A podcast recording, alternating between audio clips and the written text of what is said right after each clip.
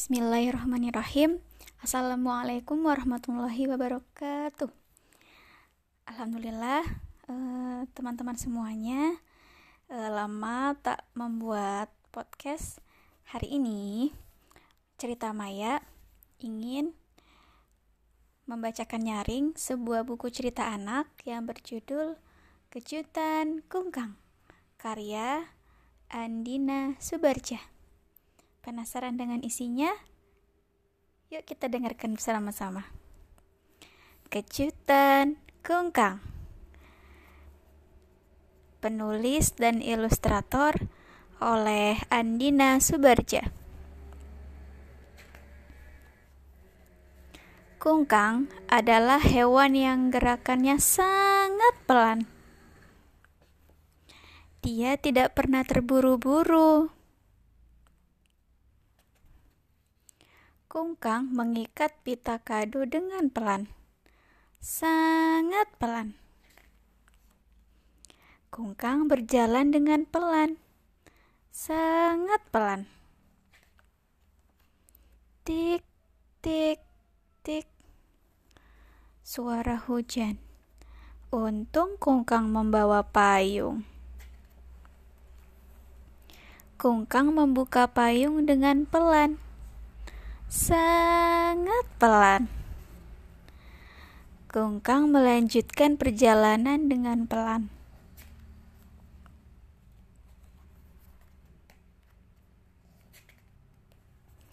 Akhirnya, Kungkang sampai.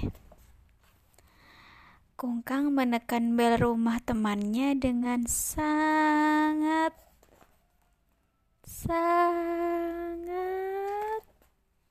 sangat pelan. Ting tong. Halo, apakah aku terlambat? Selamat datang, Kungkang. Kamu tepat waktu. Akhirnya, Kungkang tiba di rumah Pak Kura-Kura dan Kungkang memberikan hadiah yang dibawanya untuk Pak Kura-Kura. Hari ini Pak Kura-Kura ulang tahun yang ke-100. Kura-kura membuka kado yang dibawa oleh Kungkang dan isinya ternyata mainan pesawat roket dan mereka pun kembali merayakan pesta. Sekian, terima kasih. Di akhir di akhir buku dijelaskan oleh penulis tentang kungkang. Jadi, di alam liar, kungkang menghabiskan sebagian besar waktunya dengan bergelantung dan hidup di atas pohon. Ia hanya turun dari pohon untuk buang air besar seminggu sekali untuk menghemat tenaga dan bersembunyi dari predator, kungkang bisa diam tak bergerak untuk waktu yang sangat lama.